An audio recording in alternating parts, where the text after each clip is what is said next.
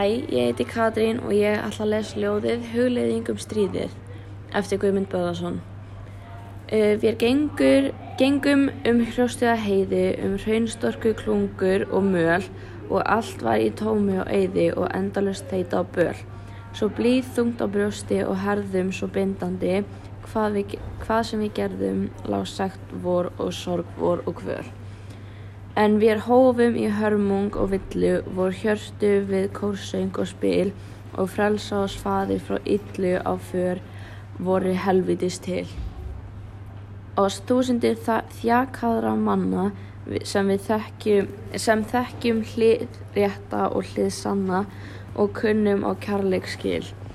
Það hlutverk er harðast að rækja og hjartanu blóð með sér vís til öfugrar áttar að sækja frá áfanga er hugurinn kýs. Að bera í sér þrá til hins og besta en beigja sig fyrir því versta hvern dag sem, við, sem af djúbunni rís. Ok, ég valdi þetta ljóða því að það er um stríðið og stríðið var svona mjög sorg, sorglegu tími og mér finnst það, já, var mjög fallegt út af því og því hvernig hann skrifar það, mér finnst það líka mjög flott. Ná, já. Hæ, ég heiti Rósa og ég ætla að lesa ljóðið Æventýr á fjöllum eftir gerður Kristni. Fjallkonan spennir á sig hamrabeltið og hendis niður hlýðina. Dýfir könnu leiftur snögt í lækin og þambar á hlaupum. Hún má engan tíma missa.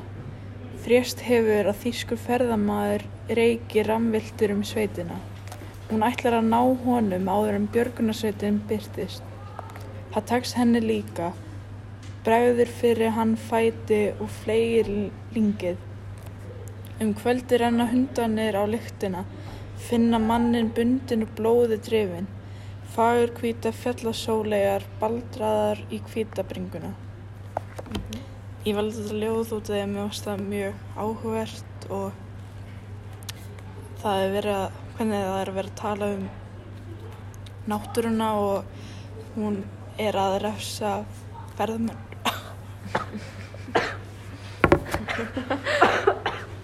Til lagi. Ég var alveg að vera að hósta. Ok. Þetta er svo leið. Bara, köttum þetta bara út. Ok. Kött.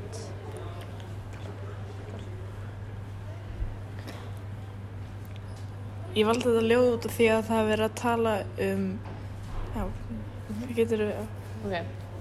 Kött og action. ég valdi þetta ljóð út af mér varst það mjög áhugavert og líka hvernig það er verið að tala um, það sem ég held er að það er verið að tala um fjallkonu sé náttúru Íslands og hún er að refsa ferðamennu fyrir að eiginleika náttúruna og þess vegna rest hún á þíska ferðamennu. Og mér